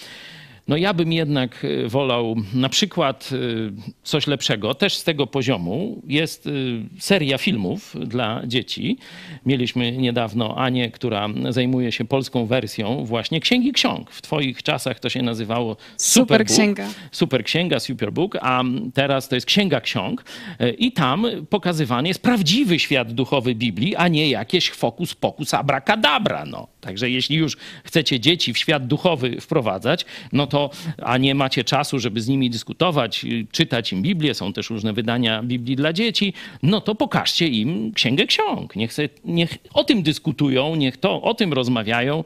Tam nawet Ania opowiadała, że są nastolatki, czy może trochę młodsze nastolatki, które jej tam zadają pytanie, tak jakby pytały Biblii. No a niech, niech Księga Ksiąg mi odpowie, jak to jest z tym czy z tamtym, nie? Możecie sobie zobaczyć, jest program na ten temat, także to myślę, że jest dużo zdrowsze e, niż tam odprawianie jakichś, y, wiecie, abracadabra, no. A tu też jest taka sugestia no, dla naszego środowiska, że dzisiaj młodzi ludzie tych odpowiedzi będą szukać w sieci, w sieci skoro nie mają autorytetów, Dokładnie tak. nie chodzą do kościoła, no ale jednak gdzieś te pytania, e, po co żyję, e, dokąd zmierzam, e, no gdzieś, e, gdzieś muszą A, zadać. Jak, jaki także... jest Bóg, jak do Niego podejść. No to jest wyzwanie naszych czasów. Każdy czas ma swoje, każde pokolenie ma swoje, jak to tam śp- śpiewano kiedyś, każde pokolenie ma swój czas, każde pokolenie ma swój głos. Nie? Zmienić świat. E, Mamy No. trailer e, Księgi Ksiąg, e, pokażmy go, wracamy za moment. Hej, łowcy przygód! Zaraz spotkacie. Księga ksiąg! Razem z Krzysiem, Cudownie. Olą Gdzie jesteśmy? i Gizmo wyruszymy w podróż w czasie. Jestem Adam. A ja jestem Ewa. Dlaczego oni są nadzy? Będzie się działo. Będzie zabawa i mnóstwo przygód. Księga Ksiąg. Na początku. Odcinki e, Księgi Ksiąg e, możecie znaleźć na YouTubie, również na naszym kanale. E, Wywiad z Anią, polską misjonarką, która bierze udział w tym projekcie. Polecamy tę rozmowę. Dziękujemy za Wasze głosy. Do nich przejdziemy już za chwilę, ale jeszcze o nowej akcji telewizji Idź pod prąd, wolność słowa. Wolność słowa jest w wielu przypadkach ograniczana w naszym kraju. Powiedz, Czym jest wolność słowa dla Ciebie? Chodzi o to, żeby nagrać swoją definicję bardzo krótko, od 10 do 30, 30 sekund. E, Im krócej, e, tym lepiej. I powiedzieć wolność słowa dla mnie oznacza, czy wolność słowa to dla mnie. E, I zachęcamy Was, żebyście wrzucili swoje nagrania na rolki, e, na relacje na Instagramie i e, na Facebooku. I ważne, żeby oznaczyć w relacji profil Idź Pod Prąd na Facebooku i na Instagramie i dodać hashtag support Pastor Chojecki. Możecie również wziąć do ręki kartkę z napisem Wolność Słowa, hashtag support Pastor Chojecki. Dzisiaj zaczynamy tę akcję, więc też już teraz na e, naszych e, mediach społecznościowych znajdziecie szczegóły e, i o tym, że naruszana jest wolność słowa w naszym kraju świadczy m.in. proces pastora Pawła Chojeckiego, o którym więcej możecie też znaleźć informacji na naszym kanale. Teraz krótkie wideo od pastora Chojeckiego właśnie o wolności słowa. Dla mnie wolność słowa to możliwość mówienia tego, co myślę. Nie wyobrażam sobie normalnego życia bez mówienia tego, co myślę, nawet publicznie, nawet kiedy to się komuś nie podoba. Jeśli zabiorą nam wolność słowa, potem zabiorą nam wolność oglądania tego, co chcemy w internecie, a potem zabiorą nam wszystkie inne wolności. Czy tego chcesz? Dzisiaj z lewa i z prawa ludzie się naparzają i chcą odebrać nawzajem sobie wolność. A wolność słowa jest dla każdego. Stańmy razem przy wolności słowa.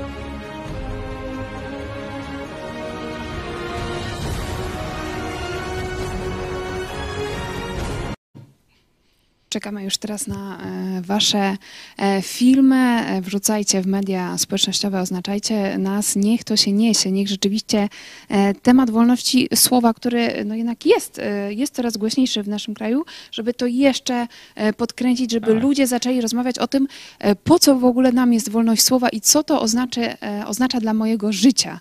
Tak, to tę rolkę nakręciliśmy tuż przed rozpoczęciem tego programu, który teraz idzie e, na żywo. E, Ale chciałem jeszcze dołożyć, zobaczcie, wolność słowa to jest to, co widzieliście przed chwilą w naszej telewizji. Przyszli ludzie z całkowicie innej e, strony barykady, no ale potrafią zachowywać się kulturalnie, rozmawiać merytorycznie, nie przekrzykiwać, nie przerywać, nie rzucać tam na swoich oponentów na Kain. Aha, no to zobaczcie, jaka no, moim zdaniem miła rozmowa. Sami możecie to ocenić, czy, e, czy widzieliście jakieś pozytywy tego spotkania. Ale to jest wolność słowa. Oni mogą mówić, że Boga nie ma. Oni mogą mówić, że e, Bóg to bajki, Chrystus coś tam i tak dalej. Ja mogę mówić, że dla mnie Chrystus to jest centrum mojego świata. Chrystus mnie wyzwolił. Gdyby nie Chrystus, to ja dzisiaj byłbym na śmietniku historii, może już bym nie żył, moje małżeństwo by się rozpadło. Nie wiem, czy by była Kornelia, Eunika i Tymoteusz, to a potem jeszcze i tak dalej, kolejne pokolenia. Dzięki Chrystusowi udało mi się utrzymać na dobrym kursie. To jest dla Chrystus, to dla mnie całe życie. I co, ja nie mam prawa tego mówić? Nie mam prawa ludziom, ludziom pokazywać, słuchajcie, porzućcie zabobon, zobaczcie Chrystusa, zaproście Chrystusa, uwierzcie w Niego, pójdźcie za Nim. No sąd mówi, że nie mam prawa, a ja myślę, że mam. I teraz pytanie, co ty myślisz o tym? I niezależnie, czy się ze mną zgadzasz, czy nie, ja stoję za Twoją wolnością. Myśmy tu i Nergala, Nergala bronili, i Dodę, nie wiem kogo tam jeszcze. Każdego, komu zabierają wolność słowa. Bo my rozumiemy, że jak zabiorą wolność Tobie, to potem zabiorą mnie. A czy Ty rozumiesz, że jak zabiorą wolność najpierw mnie, to potem zabiorą Tobie? Dlatego proszę Cię, dołącz do tej akcji. Na Białorusi za, e, za jeden no, e, niepoprawny politycznie e, komentarz. Ludzie trafiają do więzienia. Komentarz zostawiony w sieci. Także czy chcesz, żeby Mamy- tak było w Polsce? Mamy Jimmy'ego Laja w komunistycznych Chinach, który za mówienie prawdy siedzi w więzieniach. Mamy w więzieniu, teraz mają go nawet i do, do Chin, tych, nie do, z Hongkongu przenieść do e, Pekinu. Także też informujemy ciągle o tej sprawie. Polecamy e, film Mamy Hongkończyk. Białoruś. Tak, proszę, proszę. Jeśli e, chcecie zorganizować projekcję filmu Hongkończyk, piszcie do nas kontakt małpa ispodprat.pl. Bardzo, bardzo poruszający film i właśnie aktualny w kontekście wolności słowa, także pomożemy Wam chętnie, żeby zorganizować taką e, projekcję i żeby ten temat naprawdę był żywy, żeby e, pokazać Polakom, że to nie jest jakaś taka wydumana kwestia wolności słowa, tylko że ona bezpośrednio nas e, dotyczy. Mamy Białoruś tuż za naszą granicą, oczywiście Rosję, gdzie dziennikarze przetrzymywani są w więzieniach. Teraz przecież głośna e, sprawa, E, ale niewielu ludzi zdaje sobie sprawę, że w Polsce na razie w rękawiczkach, na razie na miękko, ale jest to samo. Mi grozi więzienie za to, co mówię o dogmatach katolickich, że to bzdury, że walczę z ich zabobonami, że zjawę nazywam zjawą. No wyobraźcie sobie, prokuratura mówi, że to przestępstwo. Biegła z Uniwersytetu Jagiellońskiego. Mówi, że jak ja powiem pierd albo zjawa, to jest obraza uczuć religijnych. Ja nie mogę tak mówić, nawet w swoim kościele. No, ludzie, to się w Polsce, nie w Białorusi, nie w Chinach komunistycznych. To się dzieje tu nad Wisłą, noż tam nad tu już Bystrzycą. e, w tym akurat. momencie zapowiem, bo oczywiście ta sprawa no to jest e, wiele, wiele różnych aspektów e, i będziecie mieli okazję na żywo zapytać pastora Pawła Chojeckiego o proces, o wolność słowa.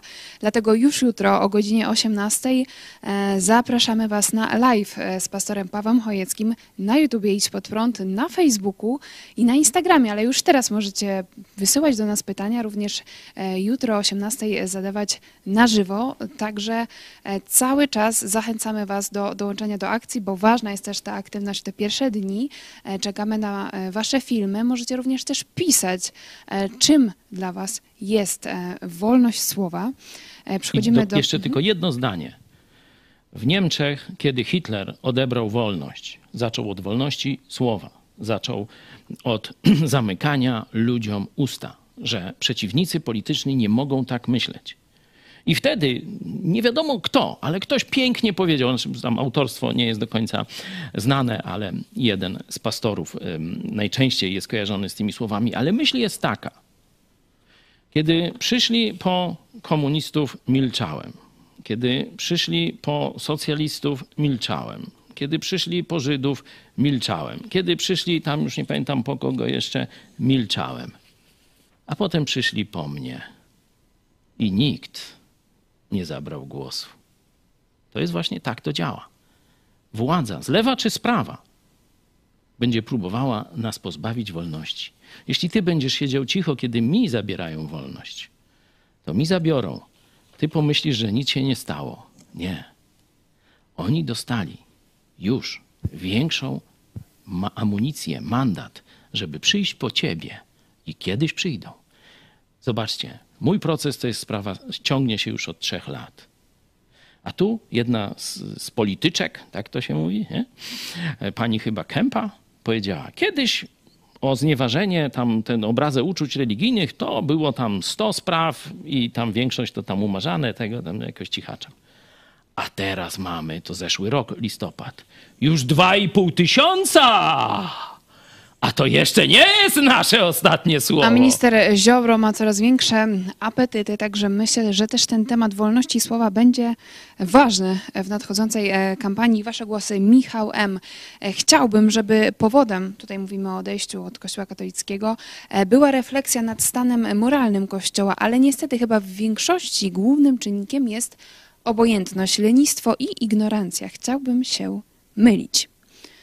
To jeden e, z Jezus głosów. powiedział, że jest szeroka droga, czyli szacuje, że gdzieś tam jest około 80% ludzi.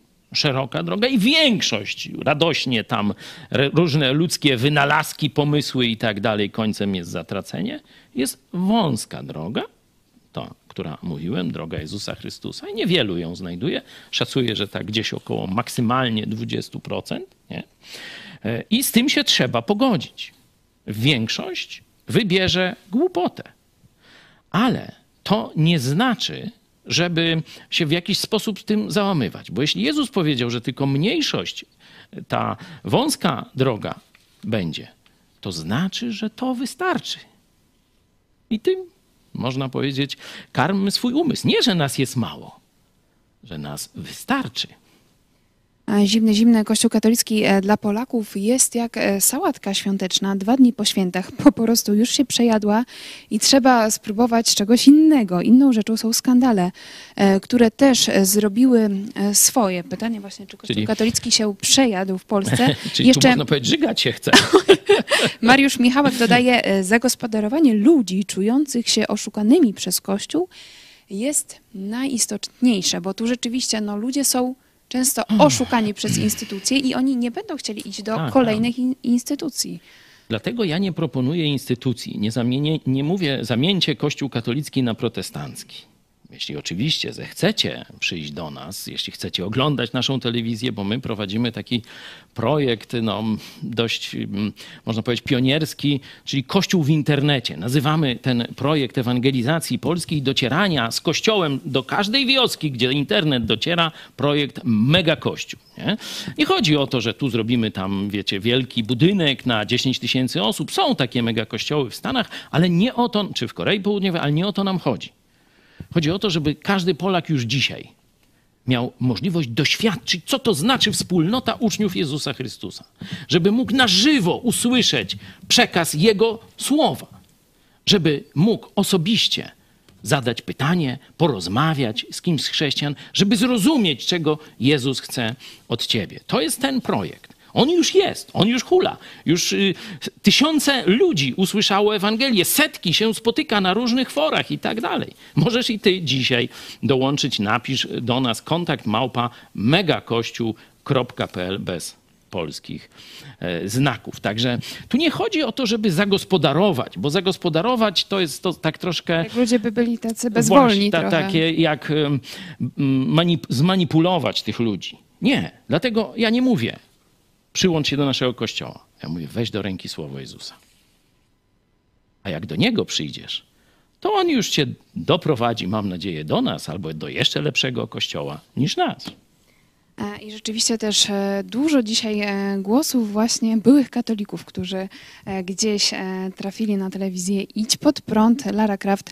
Skoro w pandemii dało się rozmawiać z Bogiem w duchu, wielu ludzi rozpoznało w instytucji Kościoła katolickiego zakłamanie i fałsz. Sama zaczęłam szukać prawdy i tak odnalazłam Słowo Boże w Biblii i dzięki telewizji Idź pod prąd. Dziękuję Tak. za ten głos. Kiedy rozpoczęła się pandemia, kiedy byliśmy pozamykani w domach, kiedy byliśmy przestraszeni, bo coś niezwykłego, coś groźnego, e, ludzie umierają i tak dalej, nie? No to myśmy stwierdzili, że nie pogrążymy się w jakiejś apatii, beznadziejności, strachu, no nie można się spotykać i tak dalej. Cośmy zrobili? Od razu tak, słuchajcie, to my jeszcze więcej. To my teraz codziennie wieczorem będziemy się spotykać na czytanie Biblii. I ła, setki osób mówi, super pomysł. Po co mam łazić do kościoła? Kościół przyjdzie do mnie, a dokładnie nie kościół, tylko wspólna lektura Słowa Bożego. Możecie sobie zobaczyć, jest ślad w internecie. Biblia w czasie zarazy. Biblia w I czasie rzeczywiście zarazy. wiele osób wtedy zaczęło swoją e, przygodę z Biblią. Zachęcamy Was, żebyście również ją zaczęli. Jesz- jeszcze, jeśli tego nie zrobiliście, mamy również na przykład w naszym e, sklepie 101-dniowy eksperyment. E, Można sobie zacząć e, każdego czytać najważniejsze e, rozdziały w Biblii. E, I no dzisiaj też taka e, zachęta dla mnie osobiście na Instagramie odezwała się nasza Wicka, ma 15 lat i mówi, że to jej rodzice e, trafili na telewizję Idź Pod Prąd, ale ona też zaczęła oglądać i osobiście poznała Jezusa Chrystusa, także też widać zadanie kolejne dla nas, że dzieci po prostu naszych widzów już potrzebują No, też... wiesz, piętnastolatka, jak powiesz dzieci, no to... Młodzież. Młodzież, nastolatki, Także pozdrawiamy jest, e, jest naszych to też młodych widzów. bardzo Pozdrawiamy i mam nadzieję, że będzie okazja e, niedługo poznać się na żywo. E, Za chwilę po programie puścimy e, krótką czołówkę projektu Mega Kościół. Piszcie do nas, mamy również spotkania online. Kontakt małpa megakościół.pl. Mamy również swoje grupy biblijne w różnych miastach Polski i również wśród Polonii za granicą i mam nadzieję, że też ten rok będzie powrotem do takich działań w realu. E, Mamy wyniki naszej e, sondy. Główny powód e, masowego odejścia Polaków z Kościoła katolickiego. Pierwsza opcja, upadek moralny i duchowy kleru, aż 85% odpowiedzi, także to e, no, taki naj, e, najpopularniejszy, można No to jest powiedzieć, powód. biblijny, biblijny powód. Y, Apostoł Paweł w liście do Rzymian właśnie mówił y, do religijnych faryzeuszy, właśnie upadłych moralnie i duchowo przedstawicieli kleru tamtych czasów. Z waszej winy poganie bluźnią, czyli odwracają się od Boga, nie? Także no, to nie dziwi, to zobaczcie, no, słowo Boga mówi dokładnie to samo, co, co 85% z was. COVID-19 3%, brak przykładu rodziców 4% i inne 8%. E, Dzisiaj rzeczywiście no, daliście radę. E, Dużo Waszych e, głosów. To nie koniec rozmowy na ten temat. Będziemy zapraszać kolejnych gości, także czekamy też na Wasze sugestie. Możecie pisać w komentarzach pod tym programem, kogo warto by zaprosić. Na razie tutaj postawimy kropkę. Jeszcze informacja o stanie gitar w styczniu 510 wpłat na telewizję Idź Pod Prąd w tym miesiącu, także cały czas mamy przed sobą ten cel e, tysiąca gitar. Jeszcze trochę zostało. Tysiąc gitar, czyli tysiąc naszych widzów mówi tak, podoba mi się to, co robicie i dobrowolnie chcę was wesprzeć, żebyście mogli funkcjonować i konkurować z tymi telewizjami, z tymi mediami, które kradną nam pieniądze, zabierając w postaci rządowych dotacji i tak dalej, i tak dalej. Także to jest nasz potencjał, to jest nasza wartość. Nikogo do niczego nie zmuszamy. Nie zmuszamy do wiary w Chrystusa, tylko pokazujemy, Coż to wspaniałego Jezus dla nas zrobił? I tak samo od nikogo nie zmuszamy, żeby płacił na nas, tylko jeśli się podoba to, co robicie, co robimy. Możesz to wesprzeć różnie, możesz swoją pracą, w sensie podej dalej, zrób tę rolkę, zrób sobie zdjęcie, y, powiedz, dlaczego wolność słowa jest dla ciebie ważna, co dla ciebie oznacza. To jest jeden ze sposobów, jak dzisiaj możesz nas wesprzeć. Ten po, y, program pokaż swoim znajomym, daj gdzieś tam na mediach społecznościowych. Ale też jeśli możesz, jeśli chcesz dołączyć do tego klubu tych tysiąca, ponad tysiąca osób, które nas co miesiąc regularnie, już piąty chyba rok, nie? Już ja to się nie mogę doliczyć. No długo nas y, wspierają, no to zapraszamy. I nie chodzi o żadne wielkie sumy. To może być 5, 10, 20 złotych, ale to pokazuje, że z drugiej strony jest ktoś, kto mówi, bardzo mi się podoba to, co robicie. Wspieram was. Szczegóły, szczegóły na stronie icwodprat.pl e, ukośnik e, wsparcie. E, Tutaj też dzięki Waszemu wsparciu mogliśmy rozbudować naszą scenę i wiem, że wkrótce po raz pierwszy chyba teatr wystąpi na naszej scenie, także e, szczegóły wkrótce, ale widać no, wymiar, wymierne skutki Waszego wsparcia. Jeszcze powiem, że o 17 serwis informacyjny, a o 18 E, Też się widzimy, to nie koniec w telewizji Idź Pod Prąd. Dziękuję Ci za rozmowę. Dzisiaj protestant, ateiści, katolików zabrakło, ale, Ale e, zapraszamy, liczmy na, zapraszamy. na kolejne E, rozmowy. Jeśli ktoś by chciał zobaczyć głos katolicki na ten temat w naszej telewizji, to pierwszy program noworoczny na żywo to jest ksiądz profesor Kobyliński. Jeśli wam mało, to już sobie wyszukajcie tam w historii i zobaczcie ten program Perspektywa katolicka na upadek Kościoła katolickiego. Pastor Paweł Chojecki, dziękuję Ci. Dziękuję Tobie i Państwu. Bardzo dziękujemy Wam, że byliście z nami na żywo. Do zobaczenia.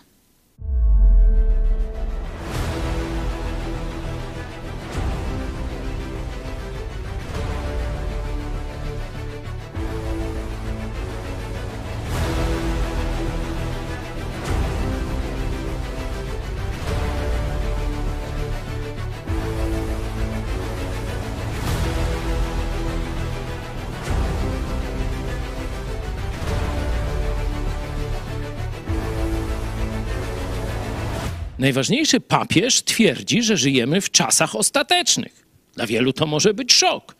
Spróbujmy to zweryfikować. No, najpierw trzeba ustalić, kto jest najważniejszym papieżem? Trzeba o to spytać katolików, bo tylko oni wierzą w tak zwane papiestwo. No i oczywiście, że dla katolików ważny jest e, Franciszek, chociaż do niedawna nie wiadomo było, który ważniejszy, oczywiście dla Polaków najważniejszy jest Jan Paweł II, ale wszyscy chyba katolicy się zgodzą, że najważniejszym papieżem w historii według ich numerologii, mitologii, czy jak to zwać, jest apostoł Piotr. Aha, czyli jego zdanie jako najważniejszego papieża tu się liczy.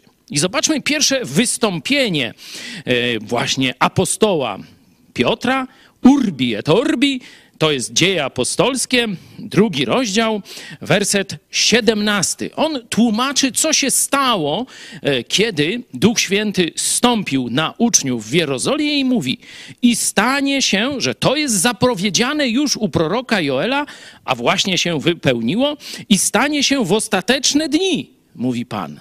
Czyli to, co wtedy, 2000 lat temu, stało się w Jerozolimie, według apostoła e, Piotra, było już wejściem w czasy ostateczne. Żeby jeszcze bardziej tę tezę pokazać, zobaczmy pierwszy list apostoła Piotra i e, pierwszy rozdział od razu mówi tak do swoich, swojego pokolenia. Wiedząc, że nie rzeczami znikomymi, srebrem albo złotem zostaliście wykupieni z marnego postępowania waszego przez ojców wam przekazanego, lecz drogą krwią Chrystusa, jako baranka niewinnego i nieskalanego, Wprawdzie był on na to przeznaczony już przed założeniem świata, ale objawiony został dopiero w czasach ostatnich, czyli ostatecznych, ze względu na Was.